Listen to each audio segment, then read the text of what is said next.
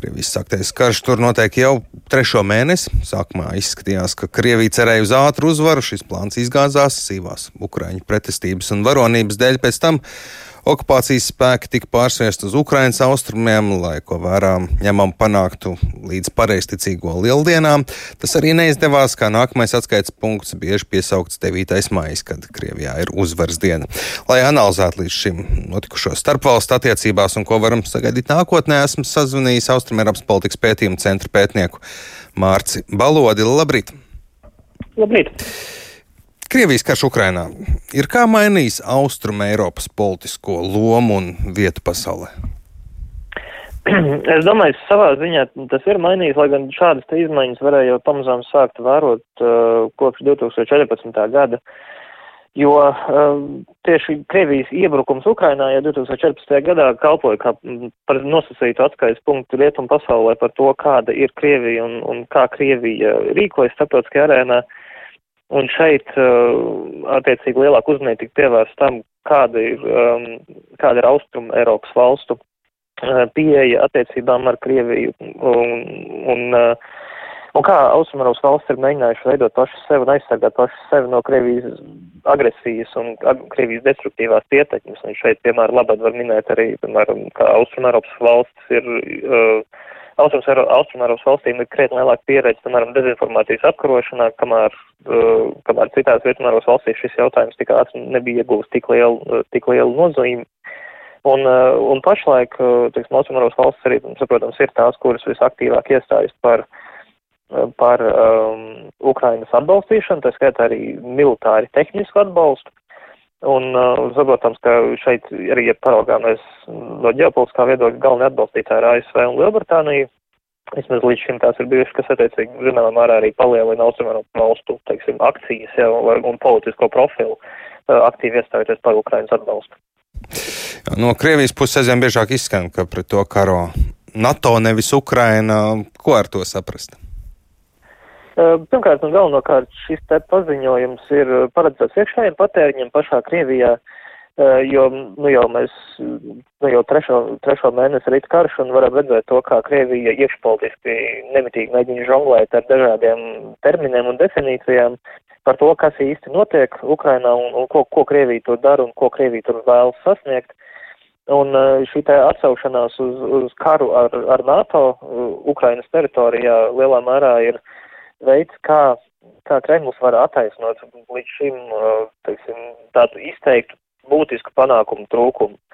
Ja no sākuma, protams, pati Krievija aktīvi proponēja, ka, ka šī speciālā militārā operācija tikšot izbeigta vien dažu dienu, maksimums dažu nedēļu laikā, taču joprojām tas viss nav izdevies, Krievijas ieguvumi ir, ir salīdzinoši mazi, un tam ir nepieciešams iegans vai kaut kāds pareizāk attaisnojums. Un, attiecīgi, NATO šeit kalpo kā, kā, kā vainīgais, ka, ka, respektīvi, ja Krievija būtu karojis vienu pret vienu ar, ar Ukrainu, tad, tad, tad Krievija būtu spējīga sasniegt savus mērķus, taču tāpēc, ka NATO ir iesaistījušies, tāpēc Ukrainas aizsardzība ir krietni sīvāka. Un otrkārt, Krievija šādiem paziņojumiem mēģina arī uh, uztaustīt kādas vājās vietas pašu, pašu rietumos, pašu NATO valstu Uh, pozīcijās, politiskajās pozīcijās, lai mēģinātu, lai piespiestu un mudinātu tās kaut kādā mērā piekāpties, lai izvairītos no nonākšanas, teiksim, vienā, um, lai, nonāk, lai nenonāktu um, tādā pozīcijā, ka valsts varētu tikt uzskatīts par tiešā veidā iesaistītām, taču primāri, un tas ir uh, Krievijas iekšpolitiskais instruments. Jā, gan no Krievijas puses, gan arī uh, Rietumē Eiropas politiķu puses vairāk kārt jau ir izskanējuši dažādi atslēgas uh, datumi, līdz kuram kaut kam būtu jānotiek sāsnājumam vai atrisinājumam. Cik būtisks ir 9. māja tuvums? Tas reāli ietekmē to, kas notiek uz militārās un politiskās skatuves. Um, ja raugāmies no Krievijas puses, tad uh, tam ir nosacīta nozīme. Es teiktu tā, um, Krievijai visvairāk par visu šobrīd ir nepieciešama uzvara Ukrainā. Un, un uh, šeit, uh, es domāju, datumam ir sekundāra nozīme tādā ziņā, ka, ja, ja nepieciešams, Krievija atradīs kaut kādu, kaut kādu datumu vai kaut kādu simbolisku notikumu, kuru sasaistīt ar, ar, ar uzvaru Ukrainā. Taču tajā pašā laikā Krievijai un vispār autoritārām un totalitārām valstīm ļoti patīk un bieži vien ir ļoti vērtīgs simbolisms, kas palīdzētu kaut kādā veidā uz, uzsvērt notiekošā nozīmību un, un, attiecīgi, šajā gadījumā arī Krievijas īpašo lomu pasaules vēsturē, jo Krievija arī iešpolitiski brīžiem veido um, šo te rāmējumu, ka šobrīd Ukrainā notiek otrais tēvijas karš. Tas, ja pirmais tēvijas karš, pirmā tēvijas kara beigas un uzvar tajā tiek tiek atzīmēta 9. maijā, tad šobrīd turpinās otrais. Un, saprotams, Krievija būtu ieinteresēta, ja vēlākais 9. maijā rītā Krievija varētu paziņot par, par uh, pilnīgu un absolūtu uzvaru Ukrainā, tad tas šobrīd neizskatās uh, iespējams. Uh, tāpēc galvenais ir tas, ka Krievija turpinās sniegties pēc uzvaras, mēģinās to sasniegt un šo te rāmējumu vai kaut kādu, teiksim, uh, iepakošanu šī notikuma, lai, lai to varētu pārdot, eh, pārdot savai sabiedrībai, to Krievija fiksēs pēc nepieciešamības. Simbols man ir nozīme, taču primārais ir gūt uzvaru. Gan internetu jociņos, gan arī rietumvalstu politiķi saka, ja Putins ar karu ir ko panācis, tad vienotāku, stiprāku NATO un Eiropas Savienību, bet nu, realitātē redzam, jūs arī pieminējāt, ka ne visām valstīm, kad runa ir par Krievijas energoresursiem un zaudējumiem pašām, tā vienotība tā viegli nāk. Cik vienoti ir rietumi? Es domāju, šāda rietumu vienotība eh, negaidīja ne tikai Kremlis, bet arī liela daļa Eiropas. Jo gal galā gadiem jau bijām saskārušies ar to, ka, ka Krievijas, ir īpaši attiecībā uz Krieviju, uh, daudzām rietumvalstīm, saprotams, ir dažādas intereses, vai tās ir balstītas politiskos vai, piemēram, enerģētiskos jautājumos, un, saprotams, šeit nu, atrast kādu kopsaucēju ir, ir sarežģīti, lai pat neteikt ārkārtīgi sarežģīti. Ehm, taču nu, ir pilnīgi taisnība tajā, ka, ka Kremļa ārpolitika lielā mērā ir bijis tieši katalizētājs Eiropas, uh, Eiropas vienotībai, gan politiskai, gan arī militārai. Un saprotams, ka valsts savienībā, kurā pastāv vairāki desmitu, desmiti valstu, pastāvēs domstarpības un tīpaši jautājumos, kas attiecas uz enerģētiku, kur katrai, faktiski katrai valstī ir savu unikālu situāciju.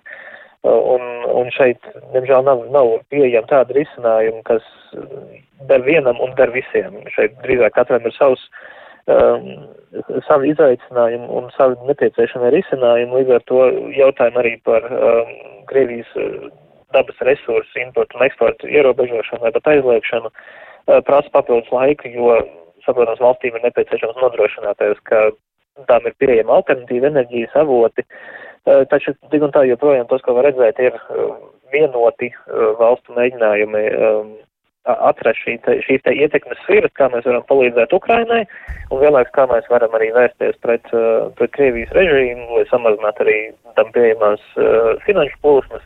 Uh, kas arī ilgtermiņā vājinās Krievijas iespējas vispār īstenot agresiju pret jebkuru valsti. Nu, politiski, diplomātiski risinājumi tuvākajā laikā ir iespējami ar to, es domāju, nu, tiksim, kara darbības pārtraukšanu Ukrainā.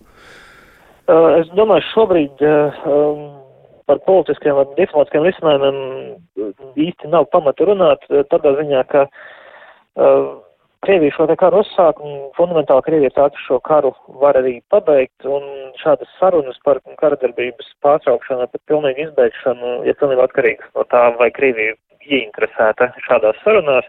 Un šobrīd Krievija tādās visam noteikti nav ieinteresēta, jo Krievija joprojām nav kādu būtisku un konsolidētu ieguvumu. Uh, līdz ar to, ja kādas sarunas, uh, fundamentālas sarunas var sākties tikai tad, kad viena no pusēm būs sasniegusi tādas pozīcijas, lai varētu mēģināt piespiest otru pusi piekāpties. Uh, taču šobrīd, un, un šo pēc tā kā arī šobrīd izsaka, ka tuvākajā laikā ir sagaidāms sīvas kaujas, un tikai pēc tām iespējams pavīdēs kādu iespēju sarunām, taču, taču primāri šobrīd runās Lielgabals.